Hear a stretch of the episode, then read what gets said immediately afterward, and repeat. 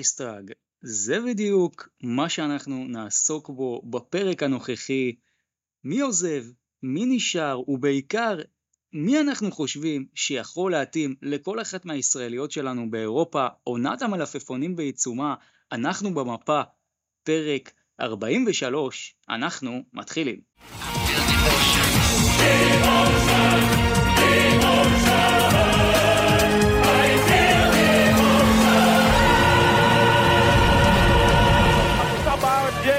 אנחנו במפה ואנחנו נשארים במפה, לא רק בספורט, לא הכל. אנחנו במפה, ברוכים הבאים, שעה של כדורסל באוטוסטרדה הכי מהירה באירופה, פרק 43 שלנו, שבוע שבו אנחנו נתמקד בעיקר בעונת המלפפונים, וכמו שהבנתם מהשיר פתיחה, אנחנו הולכים להתחפש בפרק הזה לסקאוטרים, ואיתי כמובן, כמו כל פרק נמצא יועד, שהיום לבש את חליפת הסקאוטר, שבוע טוב יועד. אהלן, שבוע טוב. אה, כן, תשמע, נגמרה העונה, אבל אה, עונה לא פחות כיפית מתחילה, על- אף השעמום וכל היובש הזה שאין כדורסל, אה, אבל גם חייב להגיד שיש משהו כיפי בעונת המלפפונים, ויאללה, אנחנו רק בהתחלה שלה. תגיד לי איזה יובש, אתה רואה מה הולך, אתה רואה... יש יותר traffic, בואו נגיד את זה ככה, מימים של משחקים. כן, זה אבל traffic, traffic, בחוץ. ש, traffic של החתמות וזה, וטוויטר, זה traffic לא, של זה פייק לא ניוז, traffic של traffic של משחקים. כל הדברים של הקיץ. בדיוק, כן, אבל זה, תשמע, אתה לא יכול להשוות באמת. traffic של החתמות וזה, ו- וטוויטר, זה לא traffic של משחקים, שאתה הולך למגרש, שאתה רואה כדורסל, שיש לך משחקים וזה, זה משהו שונה לגמרי. כן, אנחנו עוד, אה, עוד לא התחלנו להתגעגע, אבל אני מניח שעוד חודשיים אנחנו נהיה במצב הרבה יותר גרוע מעכשיו. אה, מה הולך להיות לנו בפרק? אז כמובן אנחנו הולכים לעבור באמת על כל קבוצה ישראלית שהולכת לשחק באירופה בעונה הבאה, לראות אה, באיזה מפעל היא תשחק, הם הפועל ירושלים, אבל זה כבר סגור וחתום, אנחנו נדבר גם על זה כמובן, ונדבר על השחקנים שנמצאים, השחקנים שעוזבים, ואולי גם שחקנים שלדעתנו כדאי לכל קבוצה להביא, ובבורסת השמות שלנו יש כל מיני דברים מעניינים. לפני זה נתחיל בכותרות, ולפני זה אני אזמין אתכם כמובן, אם אתם עדיין לא שם, להצטרף לקבוצת הוואטסאפ שלנו, שבעיקר מנפיקה סקרים יומיים מאוד מעניינים. השבוע עשינו שני סקרים אה, שככה עשו הרבה הד גם ברשת וגם אצלנו בקבוצה. קודם כל הסקר הראשון שלנו היה, ויש כבר דיווחים על זה שיש מגעים, אבל האם יהיה נכון להפועל ירושלים להמשיך עם ספידי סמית? אז זה כמובן סקר שעשינו אצלנו בקבוצה, 38% אומרים להמשיך, 62% אומרים שהדבר הנכון שיהיה להפועל ירושלים הוא לא להמשיך עם ספידי סמית. ועוד מה דעתך לגבי הסיטואציה הזאת? אני חושב שהרבה אנשים נוטים לזלזל בו, בספידי סמית, כי אתה יודע, בעונה שעברה הוא הגיע כמישהו לא איי איי איי, ותשמע, העונה שהוא נתן הייתה עונה מצוינת, בש, בשני המפעלים, גם בליגה וגם ב-BCL, וכולנו יודעים שהדבר הכי חשוב בכדורסל זה המשכיות, וזה מה שהפועל ירושלים צריכה, ואני חושב שהיא צריכה להשאיר את ספידי סמית, לא בתור גארד רכז מוביל, אלא בתור מישהו בקאפ שיעלה מהספסל, אה, וזה ייתן לה בעצם את השדרוג שהיא מחפשת מהעונה שעברה לעונה הבאה. אה, ואני חושב שבגדול זה מהלך שצריך להיעשות. אז אני ממש לא מסכים איתך, אבל את זה נשמור לחלק של הפועל ירושלים, שנדבר על העמדה הזאת, עמדת הרכז.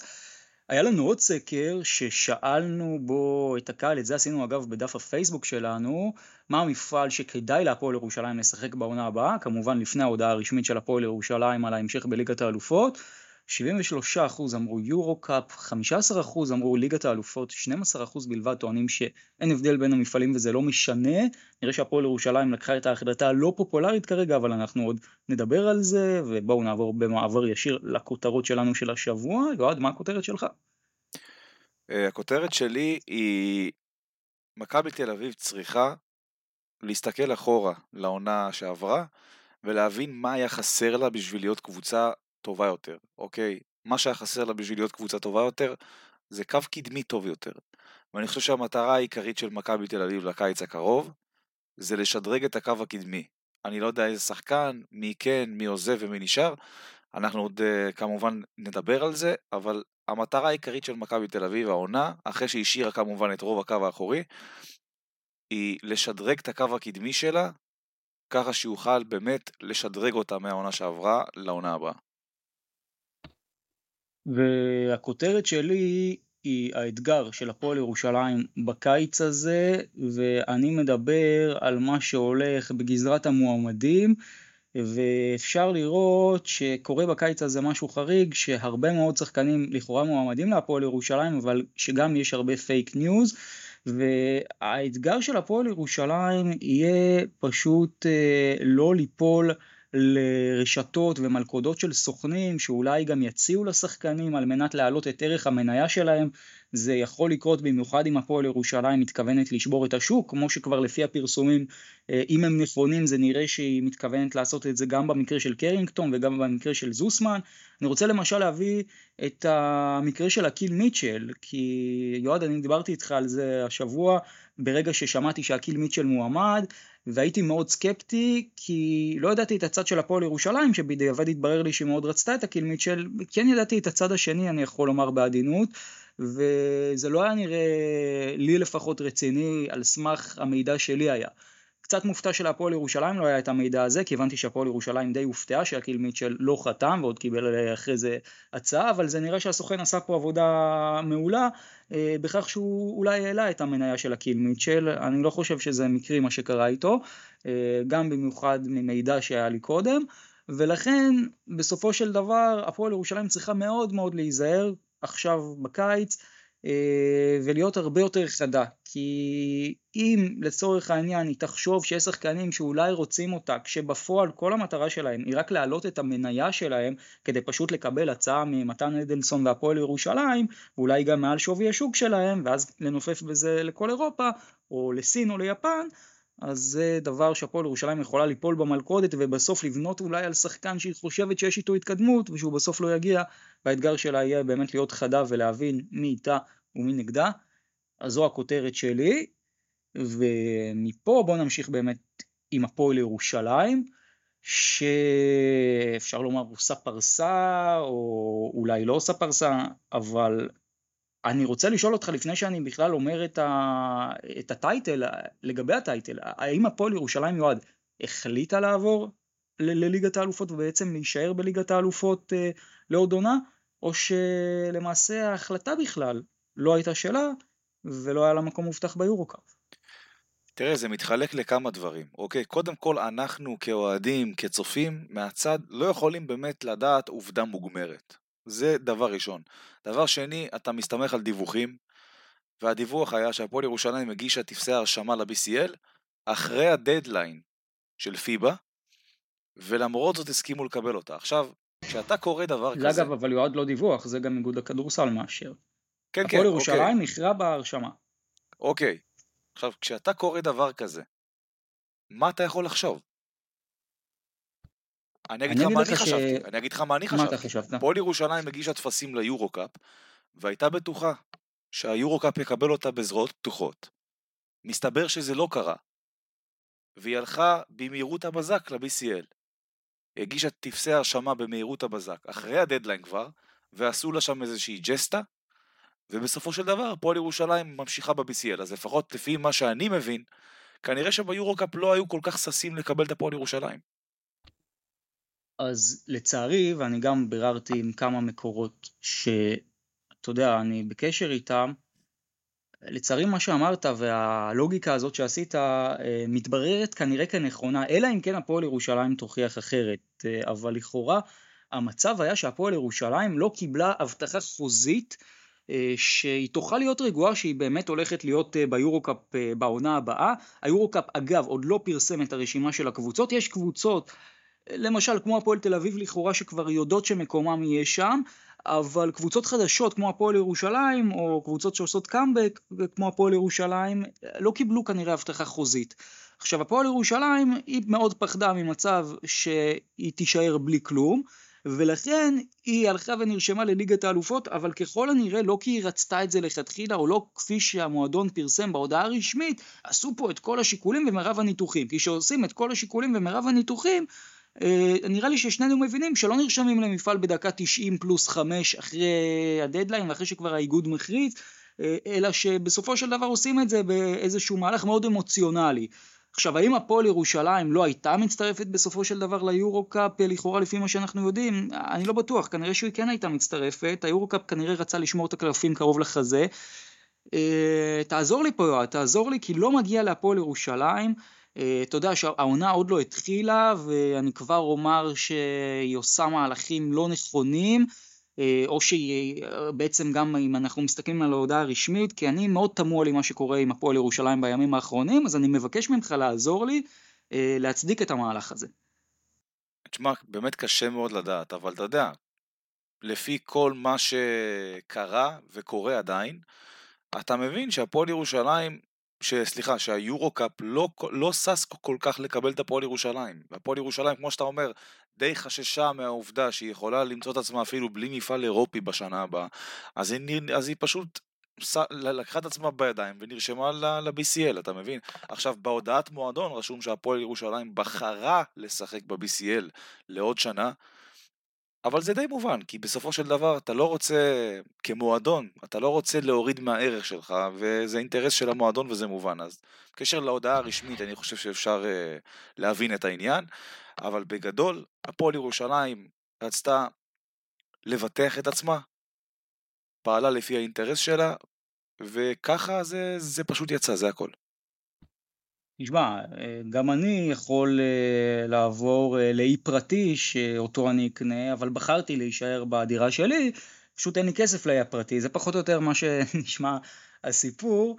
אה, תראה, אם הפועל ירושלים, באמת כמו שגם אני וגם אתה סוג של יודעים, לא באמת בחרה פה, אז אתה יודע, זה מאוד עצוב, אבל אין מה לבקר אותה, אולי רק על הודעת המועדון. אבל אני כן חייב לומר לך משהו בלי קשר לעניין של מי בחר, מה בחר, נטו מבחינה יבשה, מה היה עדיף להפועל ירושלים. הפועל ירושלים, אה, ואתה יודע את זה, ברגע שליגת האלופות הוקמה, אני הייתי מהראשונים שתמכו במפעל הזה. וכל 2017, אם אתה זוכר, לא הפסקתי לדבר איתך על טנריף ומה שהיא עושה בליגה הספרדית, ואיך היא מקום ראשון מעל כל המדרידיות והברצלונות והוולנסיות שם, ובאמת מאוד אהבתי את ליגת האלופות כשהיא קמה, כי אני מאוד האמנתי במטרה ובחזון. עכשיו, בואו רגע נזכיר מה הייתה המטרה של ליגת האלופות, כי קצת אה, התבלבלו כאן בשנתיים שלוש האחרונות. המטרה של ליגת האלופות בתור התחלה הייתה לקרוא תיגר על המונופול של היורוליג ולהיות המפעל הבכיר ביבשת או המפעל אה, הבכיר ביחד עם היורוליג. אנחנו היום הרבה פעמים מדברים על איחוד ודברים, האיחוד שליגת האלופות רצתה שיקרה בעתיד הוא איחוד עם היורוליג אם כבר, לא עם היורוקאפ. היורוקאפ היה אמור להיות המקבילה של היורופ קאפ. עצם זה שאנחנו כל פרק פה משווים את ליגת האלופות ליורו-קאפ, במובן מסוים זה כישלון של החזון של ליגת האלופות. היא הציעה גם ספורטיביות, שקבוצות ייכנסו על סמך הישגים, ולי זה מאוד קסם.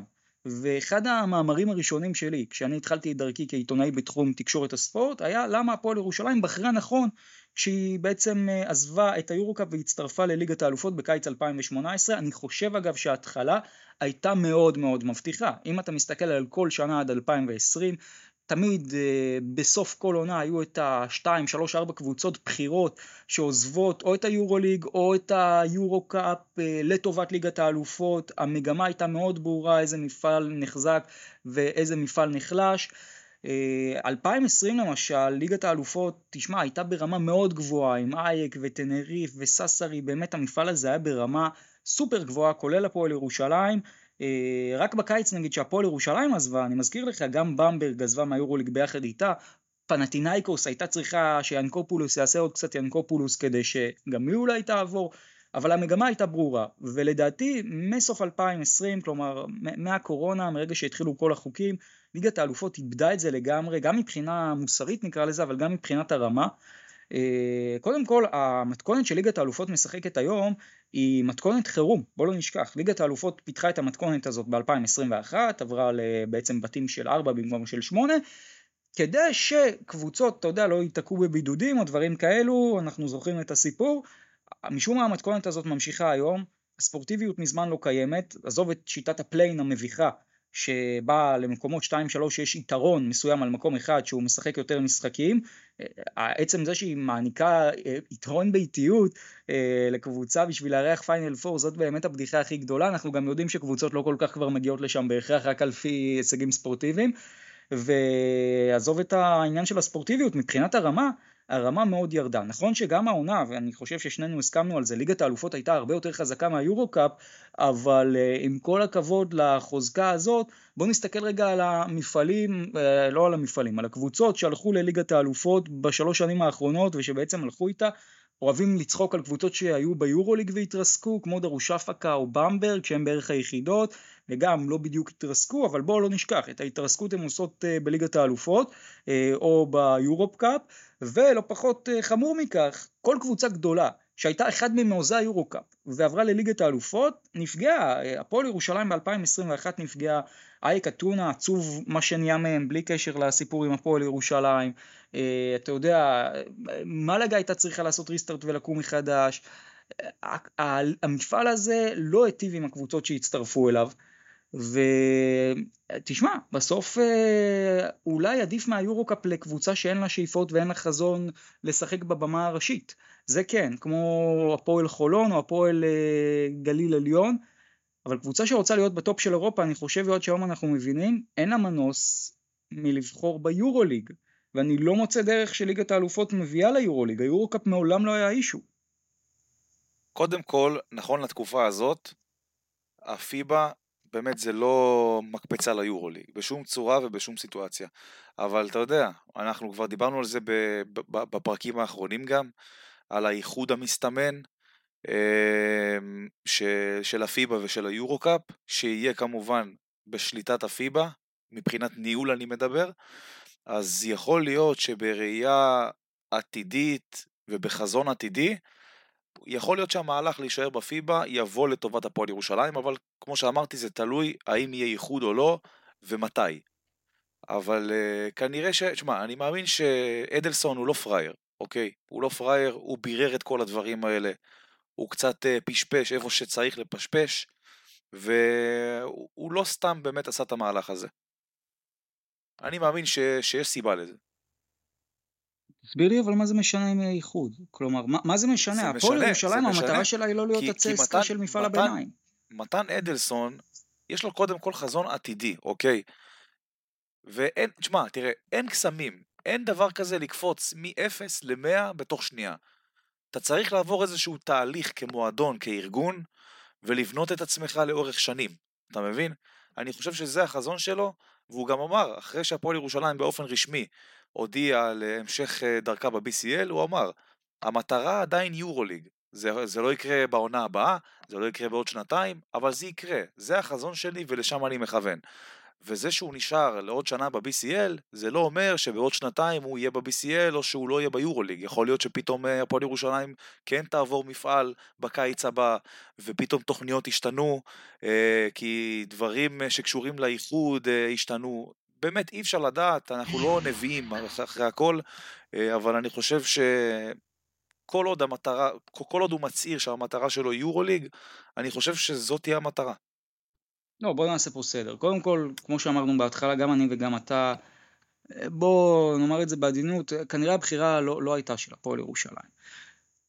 אם הבחירה הייתה של הפועל ירושלים, זו בחירה לטעמי שגויה לחלוטין. שגויה לחלוטין, כי בסופו של דבר אתה לא יכול לצמוח לכיוון היורוליג דרך ליגת האלופות. עכשיו, מה אני שואל? גם אם יהיה איחוד, מה זה רלוונטי? זה לא המטרה הרי של הפועל ירושלים להיות עצי עסקה של המפעל המאוחד. את מי זה מעניין? עכשיו, הסיכוי שיהיה איחוד הוא... זה די נאיבי לחשוב ככה את האמת, כי בסוף, גם אם הכוונה עכשיו היא טובה ונכונה, אה, זה כמו שארצות הברית ורוסיה יחתמו על איזה הסכם של שיתוף פעולה, כל צד ימשוך לכיוון שלו בסוף, יש המון אגו, אנחנו מכירים את הדברים האלה. אה, אני לא חושב שפיבה השלימה עם העובדה המוגמרת שהיורוליג פשוט שולט באירופה, אני לא חושב שליורוליג כיף ונוח שבסופו של דבר ליגת האלופות שולטת שם על חלונות הנבחרות וגם עושה מה שבראש שלה. יש שם איזה מלחמה קרה שאני לא חושב שהיא תיפתר. אבל בסופו של דבר, אם ההחלטה אכן הייתה של הפועל ירושלים, כמו שנאמר בהודעת המועדון, אה, לדעתי זו טעות, וזה אולי מעיד קצת גם על כך שירושלים קצת מקבלת רגליים קרות, כי בסוף האלטרנטיבה הייתה מאוד ברורה, להצטרף ליורוקאפ ולנסות לזכות, שזה לא פשוט, זה לא פשוט בשיטה הנוכחית, השיטה הנוכחית היא לא שיטה טובה, אנחנו דיברנו על זה כל העונה, ובשיטה כזאת, אתה גם יכול להיות הקבוצה הכי טובה בפער וליפול במשחק אחד ולא אה, לעשות את זה, ואז בעצם יצאת סוג של קרח מכל הכיוונים, ועדיין אני מאוד מעריך אה, אנשים וגופים וארגונים שמנסים ולא מרימים ידיים מראש, אבל אני חושב שמסיבת העיתונאים של אדלסון אה, בהמשך השבוע אולי תשקף לי ולך כמה דברים. אז זה לגבי העניין הזה. יש לך עוד משהו שאתה רוצה להוסיף לגבי ליגת האלופות והפועל ירושלים? אה, לא, נראה לי שדי סיכמנו את העניין הזה בהרחבה. טוב, אז אה, זה המצב לגבי המפעל של הפועל ירושלים. מי יהיו השחקנים של הפועל ירושלים בעונה הבאה? זו שאלה לא פחות uh, מסקרנת. אז הנקינס ורנדולף, אנחנו יודעים שהם נשארים, עוז בלייזר נשאר, ופה פחות או יותר זה נגמר. יש לנו מגעים עם ספידי סמית וקדין קרינגטון. יועד, מה עוד ידוע לך? חוץ מזה, באמת, אה, יש, אני ראיתי דיווח שהפועל ירושלים רוצה את הרכז של מנרסה, אמ, שהיה מצוין השנה ב-BCL דרך אגב, אה, ג'ריק ארדינג, שחקן ענק עם 17, הוא סיים השנה עם 17 נקודות בממוצע למשחק, נתן עונה באמת אדירה, אבל אה, שוב, הפועל ירושלים, אני חושב, צריכה יותר מזה בעמדת הרכז. אה, והיא צריכה קודם כל, לפני שהיא הולכת לבדוק את כל האופציות האלה, היא צריכה לבדוק קודם כל לבחון את שוק היורוליג ושחקנים קצת יותר בכירים. אני אגיד לך, כקו מנחה, אני חושב שצריך להגיע להפועל ירושלים, זה לא חייב להיות כל שחקן, אבל בהחלט אלו צריכים להיות רוב השחקנים.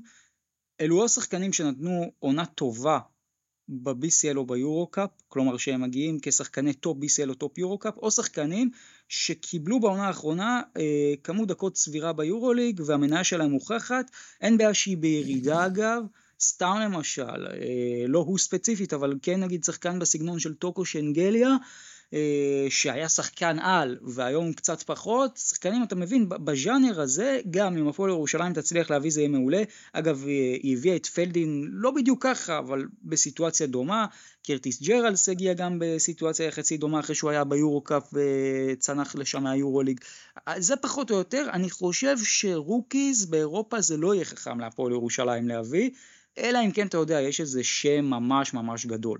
אה, זו, זו דעתי בעניין הזה. יש לך גם איזה משהו... בוא אני אגיד לך משהו כללי, אני אגיד לך משהו כללי. כן. rookies באירופה לא שווה לאף קבוצה להביא. גלבוע גליל כן היה, אתה יודע, גלבוע גליל. גליל, אתה יודע, קבוצות... הפועל ירושלים זאת לא גלבוע גליל. כן, כן, ללא ספק. אה, אני אגב כן רוצה להגיד לך משהו לגבי עמדת הרכז, אמרתי לך בפתיח שאני לא מסכים איתך. אני לא חושב שספידי סמית, אני יודע שהתכוונת לא כרכז מוביל, אלא כשחקן משלים, אבל אני לא חושב שספידי סמית יכול לעשות את זה. כלומר, אם אני מסתכל על כל הקריירה שלו, אה, ספידי לא היה עולה מהספסל, זה צריך לזכור את זה. עכשיו, אה, בבורסת השמות יש המון המון שמות מעניינים. אני אישית אה, קיבצתי כמה ואני אביא. יהיה מעניין אם אחד מהם יגיע, אבל זה לדעתי הז'אנר שהפועל ירושלים צריכה ללכת אליו. שחקנים בסגנון של פרי, שאנחנו יודעים שיש אה, בעצם למעלה האופציה טרייס, אה, פריס לי, ג'יילן סמית, פליז, ג'ריאן גרנט, וולטרס, טיירי, זה פחות או יותר גם כל שחקן שם, אה, באמת או שהוא היה בעונה האחרונה שחקן טוב מאוד ביורו קאפ או בליגת האלופות, או שהוא שחקן יורו ליג שיש אולי סיכוי שלא ימשיך ביורו ליג, אה, אפשר להוסיף לפה גם את יוגי פירל, אבל זה פחות או יותר הז'אנר. מאוד תלוי, צריך לומר גם מה יהיה התקציב של המועדון, שכרגע אנחנו לא יודעים. זה כרגע קצת בערפל. אה, ובסוף אתה יודע, אה, הפועל ירושלים, גם אם היא בליגת האלופות, יכולה להעמיד פה תקציבים שלא היו מאז ימי אורי אלון, בלי שום שאלה. היא יכולה כן, אבל היא לא תעשה את זה.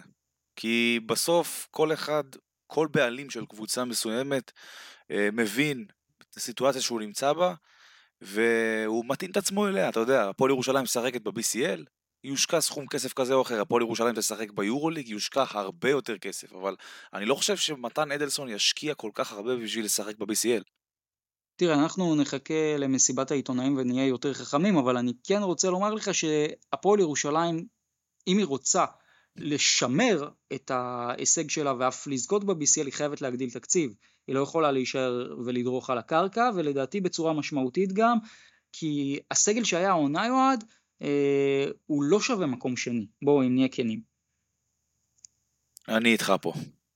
אז זה, זה העניין. עכשיו, בעמדות הפנים, גם אותו קו, פחות או יותר. אתה יודע, שחקנים בז'אנר של אה, סיקמה, לאמרס, אה, אתה יודע, אפילו בוציל ש, שהיה נהדר העונה, אבל שחקנים כאלו, אלפה קאבה למשל, גם שהיה טוב מאוד בבודדשנוס, זה הסגנון שאני חושב שהפועל ירושלים צריכה לכוון אליו, יהיה מאוד מעניין מה היא תעשה, אבל שוב, בקווים המנחים, הייתי הולך על או שחקן במפעלים האלה, ליגת אלופות או יורו-קאפ שהמניה שלו יחסית בעלייה, אין לי בעיה להביא שחקנים בדעיכה מהיורו-ליג, הניסיון שלהם שווה הרבה מאוד, אבל זה פחות או יותר הקווים המנחים. יש לך עוד משהו להוסיף על הפועל ירושלים, על הבנייה, משהו מעבר? אה, לא, נראה לי שכבר סיכמנו הכל.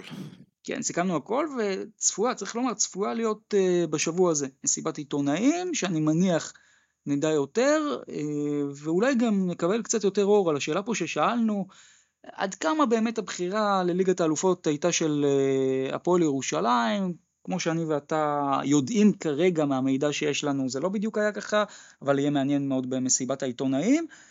בואו נעבור מפה להפועל אחרת, הפועל תל אביב.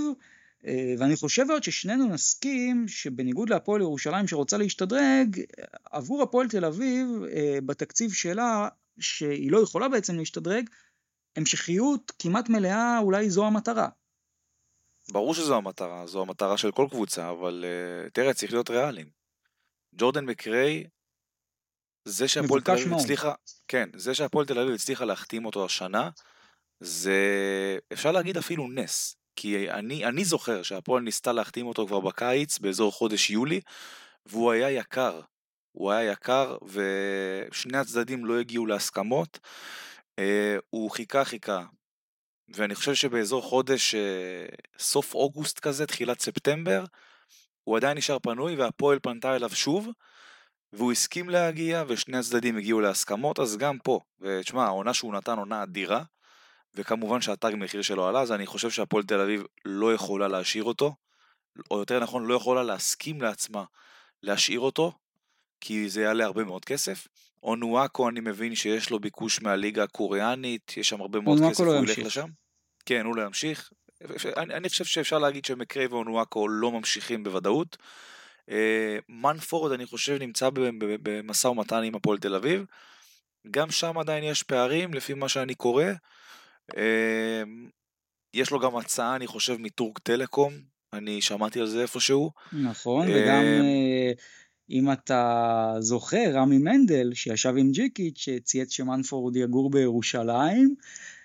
כן, בקיצור, אה, תראה, מנפורד שחקן מבוקש מאוד, וגם הוא, אני חושב שזה עדיין סימן שאלה, אני לא יודע אם הוא יישאר. מנפורד, ממה שאני יודע, יש מגעים מאוד חזקים עם טורק טלקום. זה יהיה מאוד כן. קשה להפועל תל אביב. יהיה מאוד, מאוד קשה. קשה. והשאלה איך, מה הפועל תל אביב צריכה לעשות, תראה, אני רואה את הגן פרסומים, אבל תשמע, טיישון תומאס נגיד, להפועל תל אביב, אפשר לצחוק עד מחר על המחזוריות של פרנקו, פרנקו לא אימן אותו, אבל עדיין שחקן שהיה פה בארץ, זה לא רעיון רע נגיד. ממש לא רע. אני, זה שחקן שיכול אפילו להתאים ברמה מצוינת להפועל תל אביב. אה, ודרך אגב, אני לא מ... ממישהו ש... מהחבר'ה שכל כך אוהבים את האישון תומאס. אני חושב שהוא די overrated, עושים ממנו יותר ממה שהוא, אבל הוא שחקן טוב לליגה, לרמות של היורו-קאפ, סבבה לגמרי בשביל הפועל תל אביב. אה, אבל אני חושב שבעמדה חמש הפועל תל אביב תהיה חייבת לפתוח את הכיס. ואני גם אסביר למה. כי בסוף המנוע של הקבוצה זה עמדה 1 ו-5. אם יש לך מישהו דומיננטי בחמש, כבר יש לך איזשהו טווח של מקדמה על שאר הקבוצות. אתה מבין? ולכן אני חושב שאתה יודע, עם, עם כל מה שקורה ברוסיה עכשיו, ויש אה, אה, אה, הפיכה, או ניסיון הפיכה, שווה לראות מה קורה ברוסיה עם הקבוצות שם, פתאום זרים אמריקאים שם יבזלו קצת לשוק בחוץ, יכול להיות אפילו שמות מי למשל היית מביא להפועל תל אביב? להתאים להפועל תל אביב. מי שווה למשל לבדוק את זה. מרוסיה? מי למשל היית אמרתי, מביא? אמרתי, אמרתי, וינס אנטר, שם ששווה לבדוק ושווה לפ... לפשפש לראות מה איתו, יכול להיות אחלה של התאמה להפועל תל אביב אפילו. כן, וינס אנטר שחקן מצוין. אני אגב, אם אנחנו מדברים על עמדת אה, הסנטר, יש לי כמה שמות מעניינים להפועל תל אביב, אה, חלק מוכרים. חלק לא.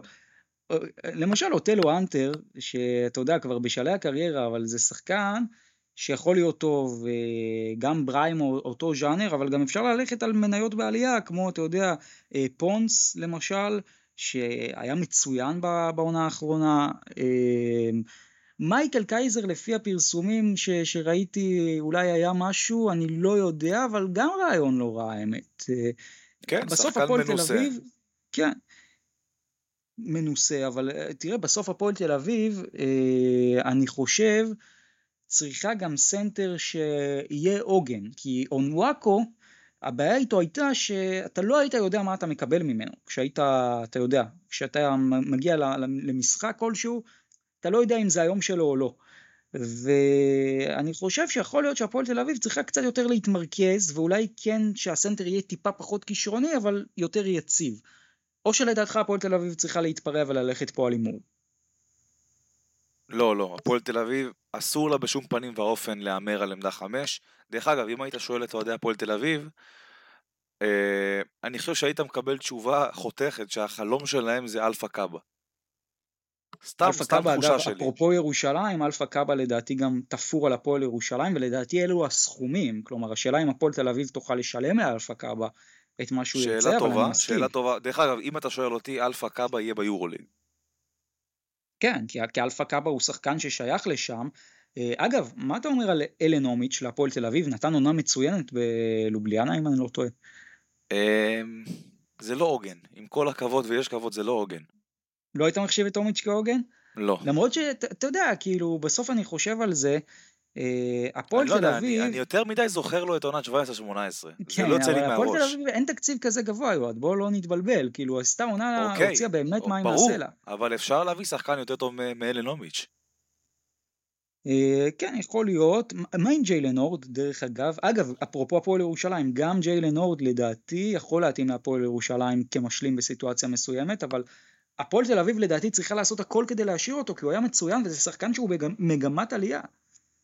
יכול להיות מאוד שאתה צודק. אני דרך אגב לא יודע מה איתו. אה, הוא מתנדנד, אני עדיין חושב, אני חושב שזה יכול ללכת לפה ו- וגם לשם. מה עם אה, ג'ו תומאסון, אם אנחנו קצת אה, הולכים אחורה יותר לקו האחורי? זה נגיד שחקן שתפור על הפועל תל אביב, לא? אה, תראה, בגדול כן, אתה יודע, כבר היה בארץ, הגיע הסאונה מצוינת עם גלבוע גליל, אה, שם שבהחלט מעניין מאוד ויכול להתאים להפועל תל אביב. עכשיו, מבחינת הקבוצה של הפועל תל אביב, לדעתך, האם היא צריכה להביא שחקנים שאתה יודע, כמו שאמרתי עכשיו עם הקווים המנחים, אה, יוצא ליגת האלופות יורו-קאפ או יורו-ליג, או שהיא צריכה יותר להמר בסיטואציה שלה, כי אני מזכיר לך, יועד, שהפועל תל אביב משחקת במפעל שאין הבדל גדול אם אתה מסיים 2 או 18, ב- קצת מקצין, אבל אתה מבין, כאילו המטרה היא יורוליג פה בסופו של דבר, אני לא בטוח שהפועל תל אביב תוכל להרשות לעצמה גם שנה אחת, אבל אולי בשביל לזכות שווה להמר. אמ, תראה, זה גם הכל שאלה של תקציב, אתה מבין? הפועל תל אביב לא קבוצה עם תקציב אה, כל כך גדול שיכולה להרשות לה- לעצמה עכשיו להשתולל, אתה מבין? אז אה, כמו שאמרתי לפני זה, אני חושב שהיא צריכה לקחת שני עמדות שהיא שמה עליהן את כל הכסף, ובשאר באמת אפשר אה, די להמר. כן, אני, אני אגב אענה למה ששאלתי, אני, אני לא חושב שהפועל תל אביב צריכה להיות ככה, אני, אני כן חושב שגם אם הפועל תל אביב, אתה יודע, יש לה את ג'קובן ובר ותומר שזה העוגנים, בסוף אם היא תעשה את הבחירות הנכונות, סתם למשל, תביא אפילו, כמו שאמרנו, את, אה, את תומאסון למשל, אם היא לא יכולה להשאיר את מנפורד, אה, ותביא לצורך העניין, אתה יודע, אולי בעמדת הסנטר, אתה יודע, איזה מישהו שבאמת קצת יותר אה, יציב, ואתה יודע, אפשר לסמוך עליו לאורך זמן, אני חושב שהיא כן יכולה להיות גם מועמדת לזכייה. בוא, ג'ייקובן, בר, תומר, יש להפועל תל אביב את השלד. עכשיו, מאוד מעניין אותי גם מה קורה בזירת הישראלים. כי גיל בני אנחנו עוד לא יודעים, וגם עידן לא. אתה רואה את זלמנסון בני... עוזב את הפועל תל אביב? גיל בני, קודם כל, יש דיווחים שהוא במשא ומתן, וקרוב לסיכום אפילו, אני מאמין שהוא יישאר. זלמנסון, יש משא ומתן, אני קורא, אבל זה עדיין, יש פערים בין הצדדים. אני מאמין, לפחות אה, מבחינתי, שזה בסוף איכשהו ייסגר.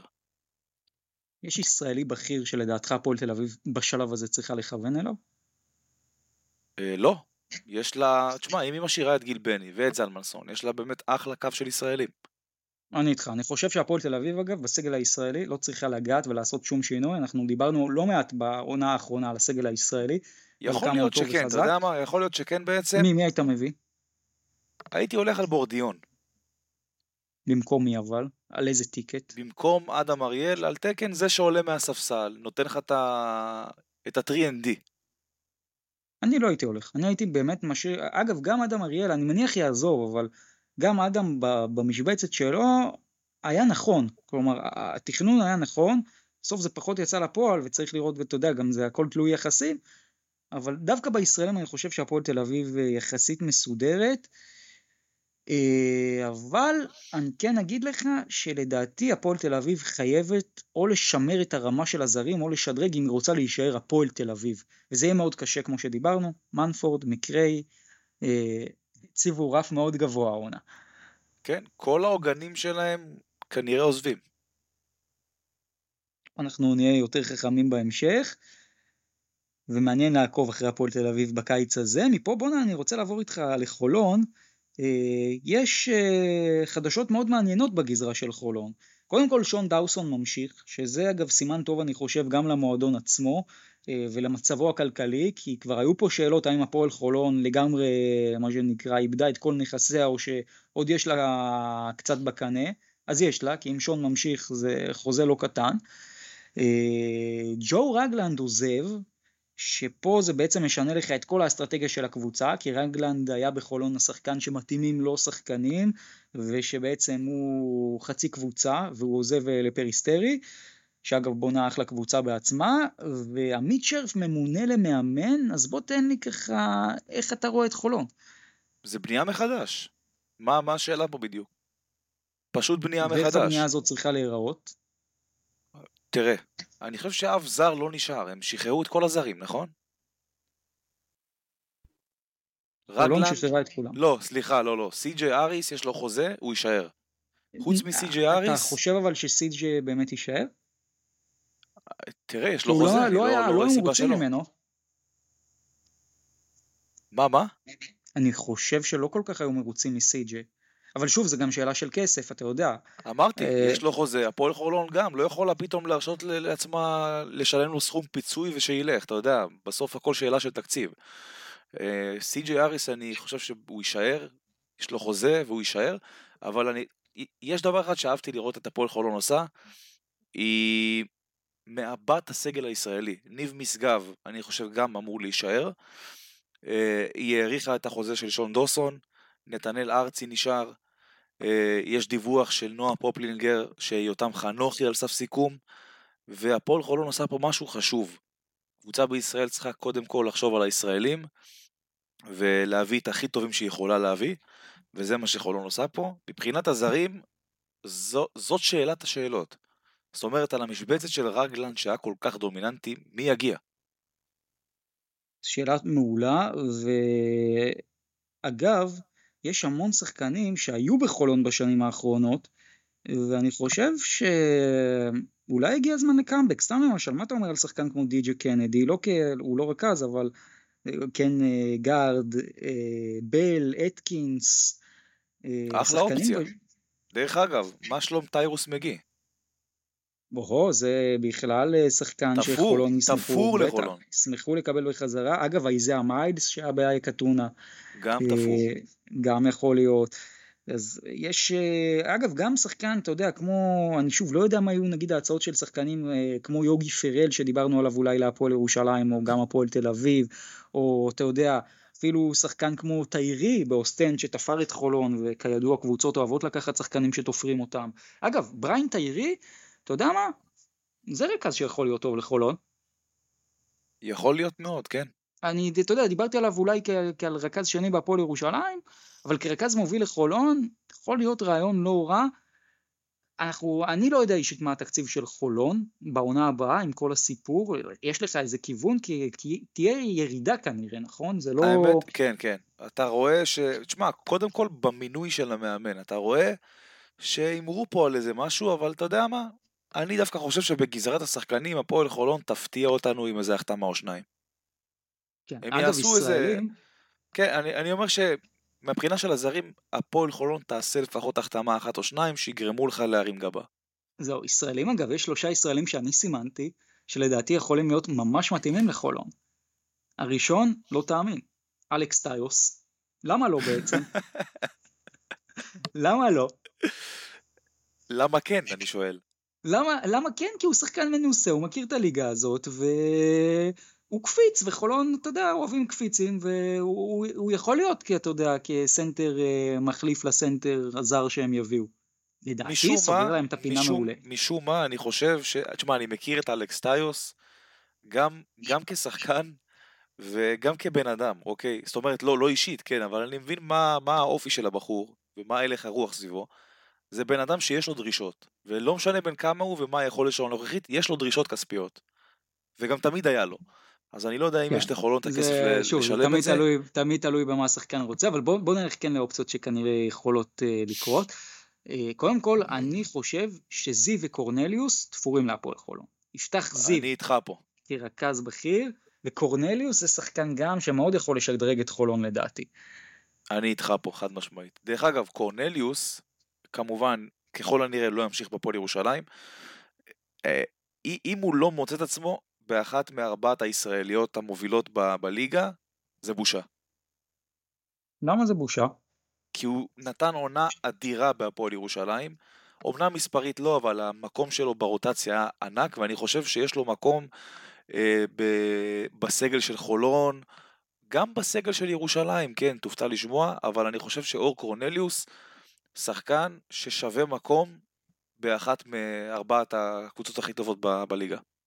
אני אגיד לך אבל מה העניין לדעתי עם אה, קורנליוס. אה, בסוף העונה בירושלים, הוא, ראית שהוא מאוד מתאים למבנה הקבוצתי, וראית שמה שנקרא השלם בירושלים גדול מסך חלקיו הרבה מאוד בגלל קורנליוס. האם קורנליוס כשחקן יכול, אה, אתה יודע, להיות טוב בשני צידי המגרש? גם העונה האחרונה לא ממש הוכיחה את זה.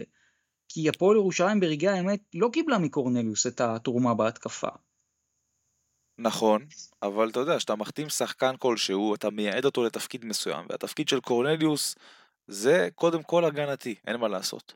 לדעתי אגב הסיפור פה הוא גם דקות משחק יועד כי אתה לא יכול לשים כזה שחקן בהפועל ירושלים של העונה הבאה ולצפות שב-10-12 דקות הוא אתה יודע אה, יהיה מה שמצפים ממנו להיות או ייתן את השלשה מהספסל או בחולון נגיד הוא כן יכול לקבל יותר דקות. נכון. דרך אגב, בוא נעבור שנייה מקורנליוס ליפתח זיו. כמו כפפה.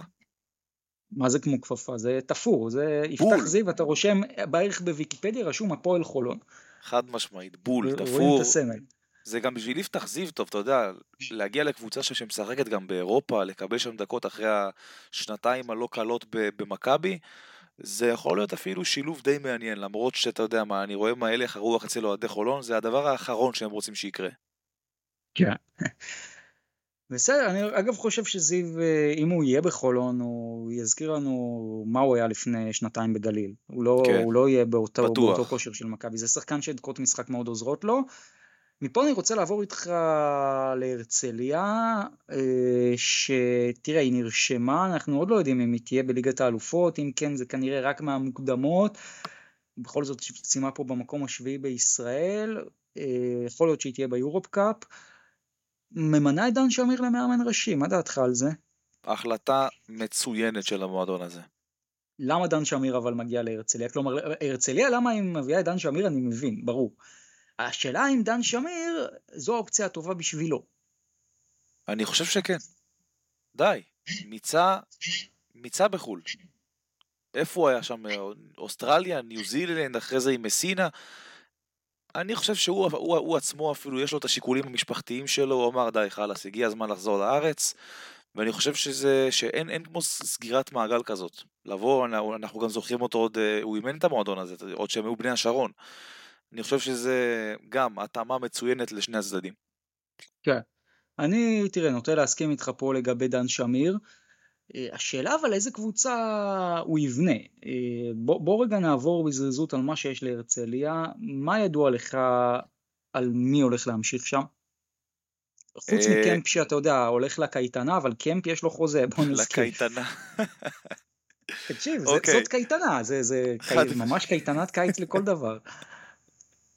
שמע, אוקיי, תראה, קמפ הולך לקייטנה, כמו שאמרת. קריס בבא, אני חושב, יש לו חוזה. תקן אותי אם אני טועה. אה, אתה יודע מה מעניין אותי אבל לגבי הרצליה? שני דברים. אחד סנדי כהן, שתיים יאיר קרביץ. סנדי כהן ממשיך. בקרביץ, כי קרביץ היה איזה סוג של עוגן ישראלי כבר שנתיים, לדעתי יהיה נכון לשני הצדדים להמשיך, כי קרביץ יכול להיות עוד יותר טוב ממה שהוא היום, ואתה רואה איך כל עונה הוא מקבל עוד יותר ועוד יותר ביטחון בהרצליה. אני מסכים איתך. קרביץ צריך להמשיך בהרצליה, וגם אני חושב שהוא לא יקבל את הכמות דקות שהוא מקבל בקבוצה אחרת בארץ. שוב אגב להגיד, העונה האחרונה של קרביץ הייתה פחות טובה מ-2022, בטח מבחינת נכון. מספרים, אבל המעמד וההחלטות שהוא מקבל, אתה רואה שמתפתח לך פה חתיכת שחקן. אגב, מה דעתך על קרביץ לאחת הגדולות, נגיד אה, אולי אפילו הפועל ירושלים אז לא, כאן ספסל? פה לא? אני חושב שזה לא יכול להתאים. קרביץ צריך להמשיך בהרצליה. הוא לא יקבל את ו- הקרדיט שהוא מקבל בהרצליה. כן. אגב, אני חושב הרצליה סיפור מאוד פשוט, כי אם אנחנו אומרים שבאב ממשיך, זה קצת כמו רגלנד בחולון, שוב, זה שחקן שהוא די מוביל אותך ואתה די בונה את הקבוצה סביבו. נכון. אה, אבל מעניין לראות מה יהיה עם הרצליה, הימור שלך אגב, הם יהיו בסוף במוקדמות ליגת האלופות או לא? אני חושב שהם יהיו. יש סיכוי טוב. העונה האחרונה אמנם, אתה יודע, עשתה קצת עוול איתם, כי הם היו יכולים להגיע הרבה יותר רחוק, והם פשוט אה, נקלעו לבית המוות. אני רוצה לקוות שהרצליה תהיה במפעל אירופי, כן? גם אם לא במוקדמות של ליגת האלופות, אז לפחות אה, ביורופ קאפ. אה, כי בני הרצליה זה מועדון שהראה לנו גם בשנה, שנתיים האחרונות, ש- שיש לו הרבה מאוד מה לתת גם בזירה הזאת לדעתי. אני איתך פה. בוא אבל נעבור למועדון שלוקח החלטה לא פשוטה בכלל, החלטה של לוותר על השתתפות, על, אנחנו מדברים פה מוקדמות, לא מוקדמות, על מקום בטוח אה, בליגת האלופות, אה, שזה גליל עליון. אה, שיקולים זה? גליל כלכליים. אומרים שאין להם אולם מספיק גדול, אוקיי, שיקולים כלכליים, וכמובן בעיית אולם. אני לא רואה שום? סיבה אחרת. אתה זוכר שגליל עליון הצטרפה לליגת העל, דובר על זה שלקבוצה הזאת יש לא מעט כסף. אני שואל את עצמי, לא מה קרה עם הדיבור? הזה? לא מעט כסף למה? לא זה- מעט כסף השאלה. יחסית בכדורסל הישראלי, נופר אנרגיה, בוא, זה ספונסר אה, מכובד. אוקיי, תראה, אבל אנחנו יודעים את זה עוד מה, מהעבר. ברגע שאין לך מתקן ראוי, אתה לא יכול להתקדם לשום מקום. זה הבייסיק. זה ה basic, והשאלה שלי, האם לדעתך גליל עליון כן תהיה איפה שהייתה העונה הזאת, וזה ביורופ קאפ. אני חושב שכן, לא, לא רואה סיבה שלא. גם, תראה, בסוף מבחינת זכאות כנראה תהיה להם. אגב, אפרופו, אם אני ככה מתחבר גם למה שאמרנו קודם, אה, יש גם כרטיסים אה, חופשיים שהרצליה יכולה לקבל לליגת האלופות, אני לא בטוח שיבחרו בה, אבל אם אני חוזר רגע לגליל עליון, היא אמורה להיות ביורופ קאפ, ולדעתי כשאנחנו חושבים על זה, אה, יש לה בהחלט מקום לעשות עוד צעד העונה, אתה יודע מה, לבסס את עצמה כקבוצת יורופ קאפ לגיטימית פלוס, כי העונה הזאת, אם אתה זוכר, היא סיימה עם 3-3, ודי נתקעה אחרי שניים שלושה משחקים טובים, אחרי זה הגיעה נפילה. איך אתה רואה את הסגל של גליל עליון, למשל? צריכה לעשות הרבה שינויים, פחות שינויים.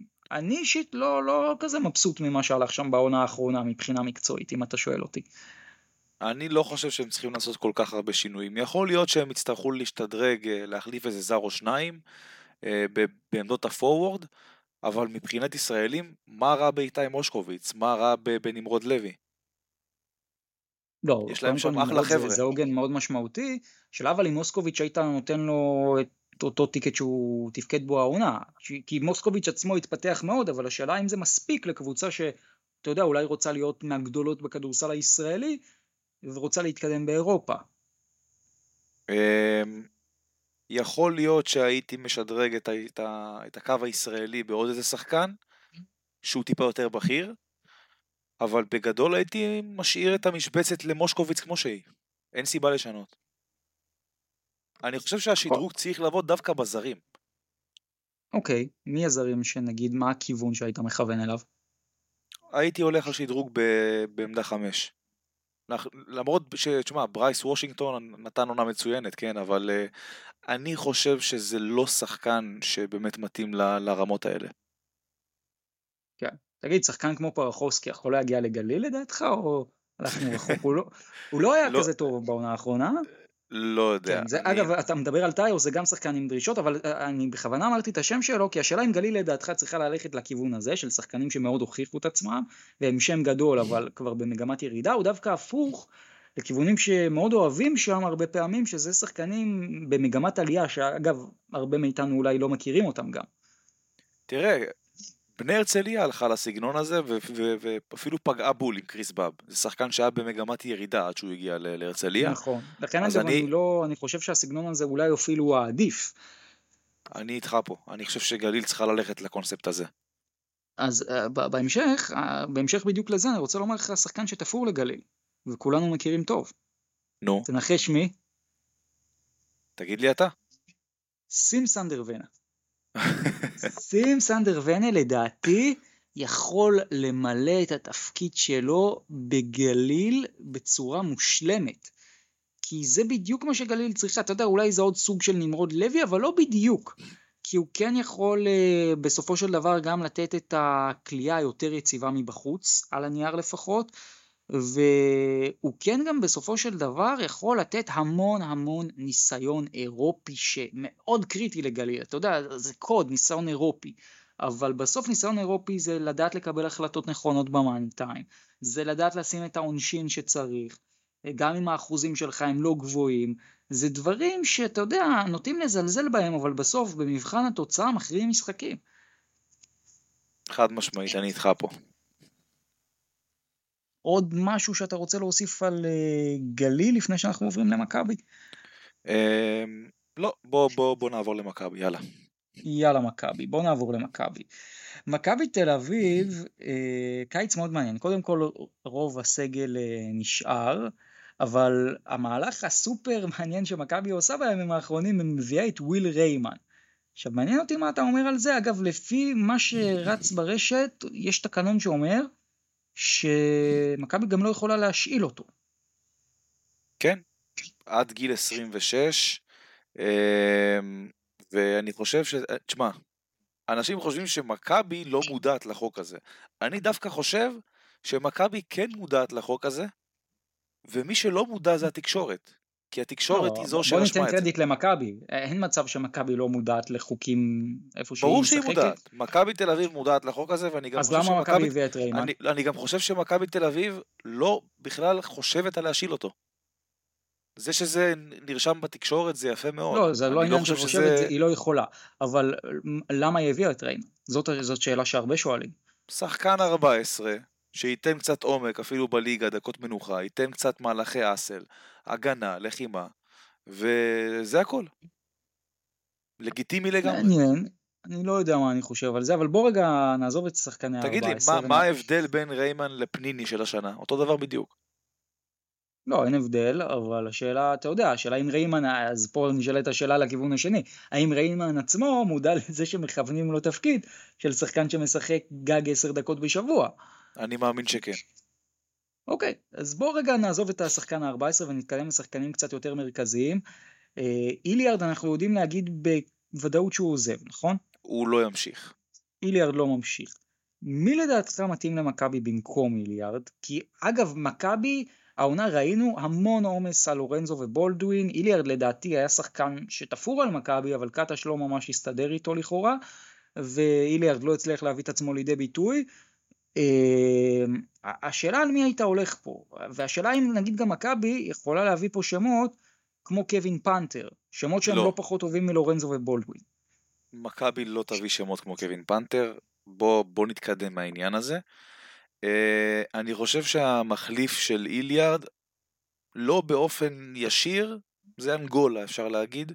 אני חושב שמכבי לא תביא עוד זר בעמדה הזאת, והיא תלך על, אה, אתה יודע, על קו אחורי שבגדול בנוי על לורנזו בראון, וייד בולדווין, בריין אנגולה, uh, ג'ון די ברטולומיאו, uh, ו? וכמובן לפי הדיווחים גם תמיר בלאט. אה, אבל זאת, אה, זאת ש... ופה פה אתה מגיע לנקודה וזו שאלת השאלות. תמיר בלאט, תראה, אה, על פניו תפור למכבי והכל, אבל יש פה מלכודת דבש בסיפור הזה של תמיר בלאט. אה, קודם כל, גם בגלל הקרבה המשפחתית, גם בגלל הקרבה לעודד, אה, ותמיר מצידו, אני מניח, לא רוצה שאתה יודע, אה, יחשבו שהוא במכבי בחסד ולא בזכות. עכשיו, בוא, בסוף זה לא כזה פשוט, כי כולנו יודעים שחיי מאמן במכבי תל אביב הם לא תמיד ארוכים. ותמיר בלאט הוא לא שחקן שמתאים לכל מאמן. אם קטש יעזוב בעונה הזאת או בעונה הבאה, ותמיר נגיד יחתום על חוזה לשתי עונות, אני לא בטוח ש, שתמיר מוכן לקחת אה, את הריסק הזה. אה, וזה אני ריסק לא מסכים שקיים. איתך פה. אני חושב? שזה... תמיר בלאט זה שחקן שהוכיח את עצמו כבר ברמות של היורוליג, וזה לא הימור, זה שחקן יורוליג, אפשר אבל להגיד יועד, אפילו יועד, אתה מוכח. יודע, רגע, יועד, אבל אתה יודע שברגע שמכבי תיכשל, כל החיצים יופנו אליו, ולקשר המשפחתי, ולזה שהוא בעצם לא הגיע בזכות, מבחינה לא, לא, תקשורתית. לא, לא התייחסו לזה, לא התייחסו לזה. זה לא תמיר בלאט שהיה בהפועל ירושלים. אתה, אתה, אני חושב שאתה צריך להבדיל בין שני המקרים. האם תמיר בלאט אה, במגמת עלייה היום? חד משמעית, מה, מה השאלה פה? אני לא בטוח, תמיר בלאט התחיל את העונה טוב מאוד אם אתה זוכר, אבל מאז הוא מאוד נחלש. תמיר בלאט במגמת עלייה כבר בשנתיים האחרונות. אתה מסתכל. מאוד מקרו. יועד, החודשים האחרונים של תמיר בלאט לא היו חודשים טובים. כן, כי הוא חטף איזושהי פציעה, אני זוכר, והוא לא שיחק איזה תקופה, אה, ואז חזר, קצת אה, צלה, קצת זה, אני חושב שזה סתם, זה הכל חלק מהפציעה, וכמובן, אתה יודע, לשחק באלבה ברלין, קבוצה שכל הזמן מפסידה, זה לא הדבר הכי סימפטי שקיים. אני כן חושב אגב שתמיר מתאים למכבי, אני... אבל שוב, מהעניין שאמרתי, אני לא בטוח שזה ייסגר. אמ, אני בטוח. מעניין אותי זה, מאוד... תקשיב, זה, זה, מהמם. תמיר בלאט למכבי תל אביב, אתה, אתה צריך פה להבין משהו, תמיר בלאט למכבי תל אביב, לדעתי, זאת ההחתמה הכי חשובה של הקיץ. יותר מכל זר אחר, ואני גם אסביר לך למה. מכבי תל אביב חייבת ישראלי שיוכל לתרום לה בשני המפעלים, גם ביורוליג וגם בליגה. לא עוד יפתח זיו, שלא מקבל את הקרדיט ביורוליג, מאבד ביטחון וגם לא תורם גם בליגה. אתה מבין? מכבי תל אביב חייבת כמה שיותר לאחד את הסגל למקשה אחת, גם בליגה וגם ביורוליג, ותמיר בלאט הוא כלי חשוב מאוד במטרה הזאת, ובלי קשר, כשיש לך שחקן ישראלי שיכול להיות אחלה של backup בעמדת ה point guard, ביורוליג לשחקן כמו לורנזו בראון, זה משמעותי. תראה, לגבי הצד של מכבי אני מסכים עם כל מילה שאמרת. האם לגבי הצד של תמיר זה נכון? כלומר, האם מישהו באמת יכול להבטיח לתמיר שהוא לא יהיה יפתח זיו? אני מניח שוב ברור. שקטש מאמן זה לא יקרה, אבל זה לא אז יש את קשור, הצד תמיר השני. בלאט, תמיר בלאט, שחקן, שחקן יותר טוב מיפתח זיו. לפני שנתיים גם היית אומר את זה? כן, אני לא בטוח, תראה, שוב, מהצד של תמיר זה הצעות, אני כן חושב שבסוף זה מה שיקרה. אני לא חושב שזה כזה פשוט. אני אגב כן חושב שהמהלך הזה הוא נכון, אני פשוט אומר, אני יכול להבין את המורכבות שלו.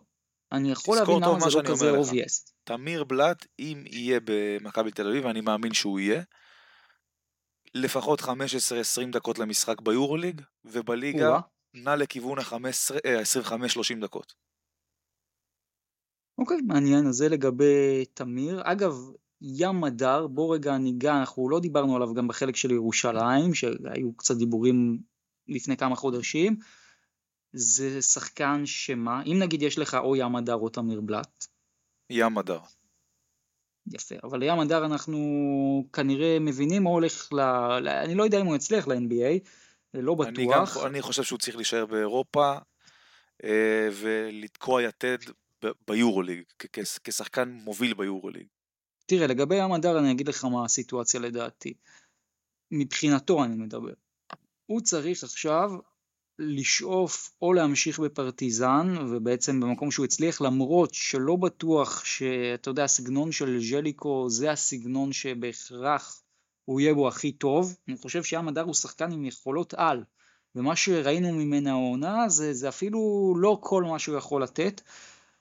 או, ופה זה מוביל אותי לנקודה השנייה, תופתע, אבל דווקא מקום כמו הפועל ירושלים, אם הוא מקבל גם, אתה יודע, איזה גושפנקה שהוא הולך להיות רכז מוביל, גם יכול מאוד להתאים. גם מכבי תל אביב יכולה להתאים, אבל לדעתי מבחינת האופציה, אם אתה שואל אותי, יהיה לו גם מאוד נכון אולי להגיע לקבוצה קצת פחות טובה, שהוא יהיה בה הלידר, שהוא יהיה בה השחקן המוביל. אם אתה זוכר, הוא היה כזה בהפועל תל אביב, ב-2020 נגיד, הוא השתדרג מאוד מאז, ולכן גם הקבוצה צריכה להשתדרג בהתאם. אבל במכבי, מבחינת ים אני אומר, הוא לא יהיה, הוא לא יהיה הלידר. הוא לא יהיה הלידר, אבל בוא, תן לי לסכם אה, במשפט אחד את מה שאמרת פה. זה לא יקרה, ים הדר יהיה או בפרטיזן או ב-NBA. ים הדר בסופו של דבר גם, אה, אני חושב, הוכיח את עצמו בעונה האחרונה שהוא שחקן יורוליג לכל דבר. אבל שוב, בזירת הישראלים אגב, אם אנחנו כבר פה, מי הישראלים לדעתך שמכבי צריכה לכוון אליהם, אם בכלל? נגיד מנקו, אני חושב, אני זאת חושב שאלה מאוד לה, קשה. יש לה כבר את הרוב. יש לה כבר את הרוב, יש לה את ג'ון די ברטולומיאו, רפי מנקו ג'ונדי גם עם ממשיך. סורקין ממשיך. כן, פניני כנראה עוזר מאמן. מנקו מה איתו? מנקו יש לו חוזה והוא ימשיך. אה, סורקין חוזה ממשיך, ג'יי כהן חתם לא מזמן על חוזה, גם נכון. ממשיך. ואני חושב שמכבי צריכה לסגור את הקו הזה עם תמיר בלאט. אוקיי, אז עם ישראלים אנחנו רגועים לגבי מכבי. בוא נלך לעמדת הסנטר, שהיא עמדה מאוד מעניינת במכבי. שאלת השאלות. זהו, עכשיו ניבו ופויטרס לא לא עובד. הדבר הזה. לא נכון. עובד הדבר הזה. עכשיו, אתה יודע מה, רגע לפני הסנטר, אני רוצה לקחת אותך למשהו שתסביר לי למה הוא לא קורה עדיין. מכבי תל אביב וזק לידי, כמה שנים מכבי תפספס את השחקן הזה? שאלה מאוד טובה. אה, זק לידי היום זה הארבע הכי מבוקש ביורוליג, אם אתה שואל אותי. אולי אחרי מירוטיץ', אבל אה, בוא נגיד שאם מכבי תל אביב הייתה רוצה את זק לידי, זה היה צריך לקרות לפני שלוש או ארבע שנים. עכשיו הסיכויים כבר כמעט אפסיים. ובסוף, אה, אם אני הולך איתך גם, אם כבר אנחנו נוגעים בעמדות הפנים יותר, 4-5, שחקן נגיד כמו וויטמן, מתאים למכבי? יכול להתאים למכבי מאוד.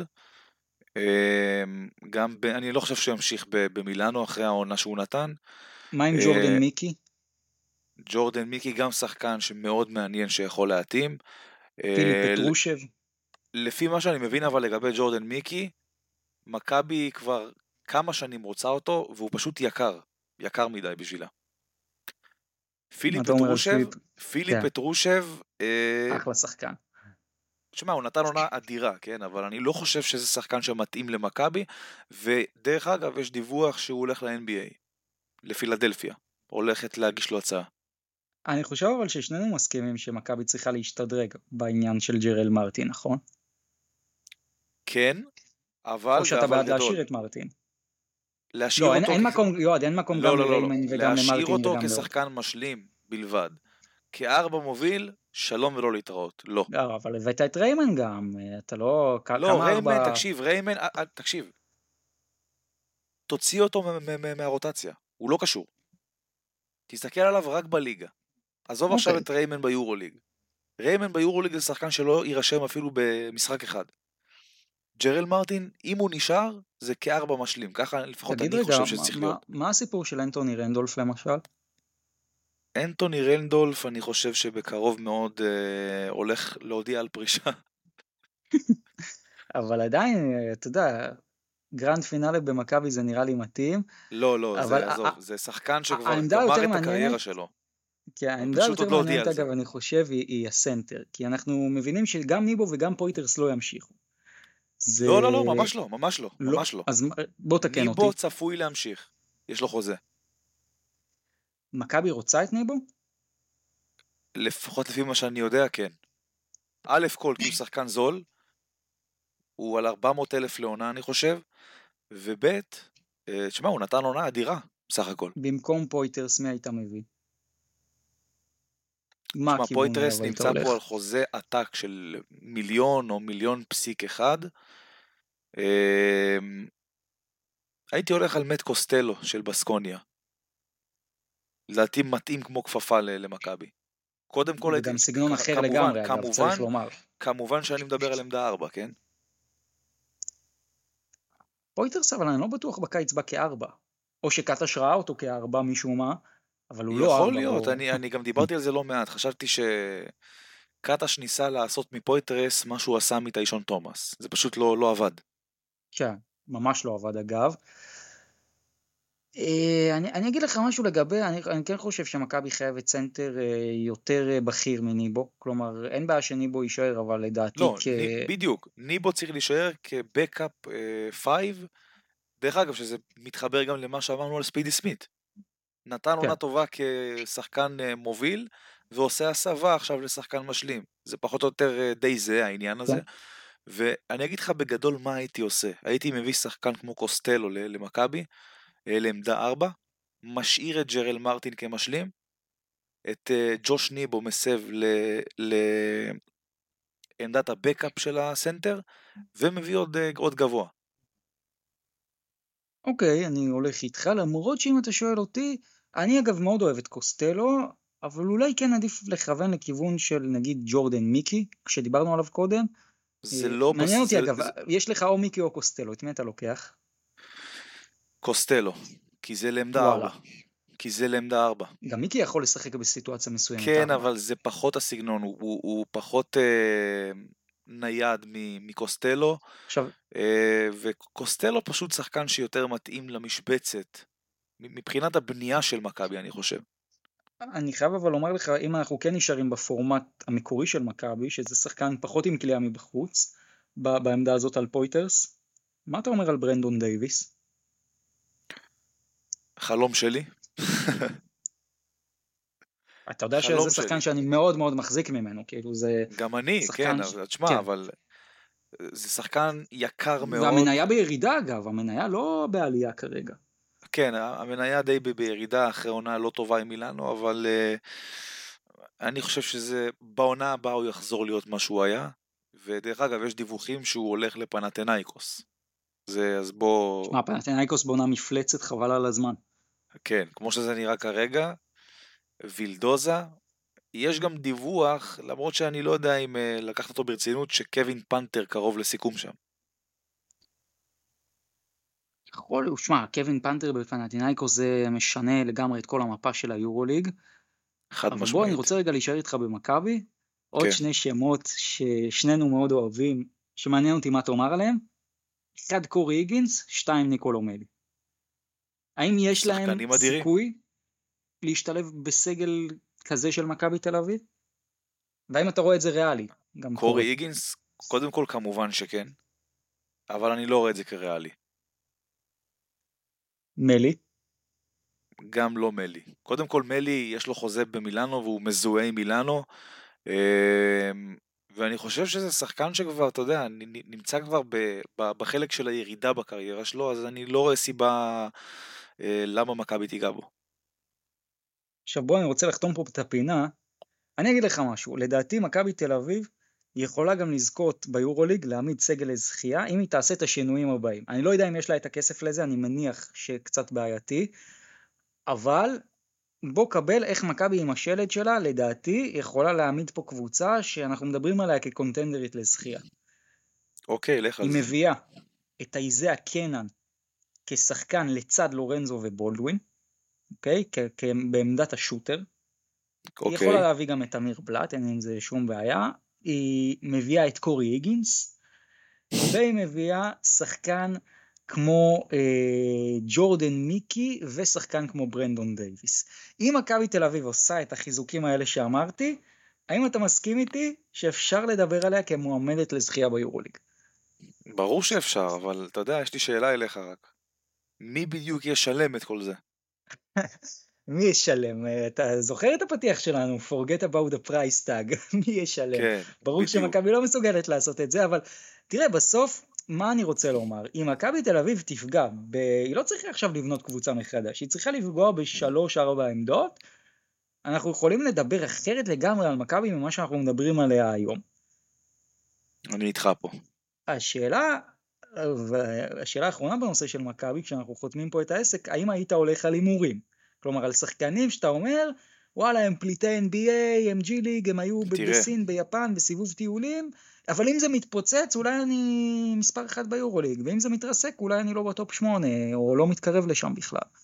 כשאני מסתכל על שחקנים למכבי ובונה סגלים בשביל מכבי, אני גם מייחס חשיבות לעניין התקציב, וכמובן אני מכיר את המועדון ומה מה הוא עושה ומה מה הוא עשה גם בשנים האחרונות, ואני יודע שאם מכבי תל אביב תשקיע בעמדה כזאת, אז היא די תזלזל בעמדה אחרת, או פחות תשקיע בה, או תביא הימור בה. אז אני, אני לוקח פה הימור מושכל, אוקיי, ששחקן כמו מת קוסטלו, שזה לא שחקן זול, ומכבי תצטרך לשלם הרבה כסף בשביל להביא אותו, לוקח בחשבון שהוא מגיע למכבי כשחקן בעמדה 4, ביחד עם ניבו שנשאר, ביחד עם מרטין שנשאר כמשלים, ואני חושב שמכבי תל אביב, אם היא תביא עוד גבוה לעמדה 5, ואני מאמין שהיא כן תביא, זה יהיה שחקן זול. ואני חושב שפה היא תהמר, אז אני הייתי הולך על קונספט כזה. אני לא הייתי עכשיו מפציץ בעמדה 5 ומהמר על עמדה 4. אתה מבין? כן, ומעניין לראות מה מכבי תעשה בקיץ. בואו נסגור את הפרק עם שאלה אחת על שחקן אחד, יובל זוסמן. אה, אין לנו הימור הליג, אבל אה, בואו נעשה את זה מעניין. יחתום בהפועל ירושלים כבר בשבוע הקרוב, כן או לא? יחתום בהפועל ירושלים, לא מתחייב עד השבוע הקרוב. זה גם לדעתי, ואני בהימור הליג הולך על השבוע הקרוב, לדעתי. אוקיי. יכול להיות אגב, אתה יודע, יש מסיבת עיתונאים של אדלסון וזה, אנחנו זוכרים ממקרה עבר, דוקטורים וכאלה, יכול להיות שאתה תראה את זה בד בבד, אבל uh, לדעתי אגב תפור להפועל ירושלים, אבל נראה, נראה מה, מה יהיה גם בגזרת זוסמן, ופה אנחנו מסיימים את הפרק ה-43 שלנו, שבוע הבא נהיה עם הפרק ה-44, כמו שאתם שמים לב, כל שבוע קורים פה כל כך הרבה דברים, שאין לנו מה שנקרא זמן פנוי. ונושאים שאנחנו צריכים להתאמץ לדבר עליהם, אז אה, אני מניח שגם בשבוע הבא אנחנו פה נהיה עם הסערות של אותו שבוע. אה, וזהו, אנחנו נאחל לכם שבוע מאוד נעים ומלא בהחתמות. אה, יש לך עוד מה להוסיף, יועד? אה, לא. עשינו פרק לא, ענק, אנחנו- פרק ענק כן, ניפגש וגדוש. פה בשבוע הבא, וכמו שאמרנו בפתיח, חברים, forget about the price tag, אתה יודע, יועד, אני אוהב בקיץ, אפשר לחלום. שיין לארקין, הפועל ירושלים, כל מיני דברים הזויים שאתה לא מעז לומר. כן, כן, בסוף, אתה אוקיי. יודע, דווין בונים את הקבוצות. שבונים. אז תודה רבה לכם שהאזנתם, ושיהיה לכולם המשך שבוע נעים. שבוע מצוין.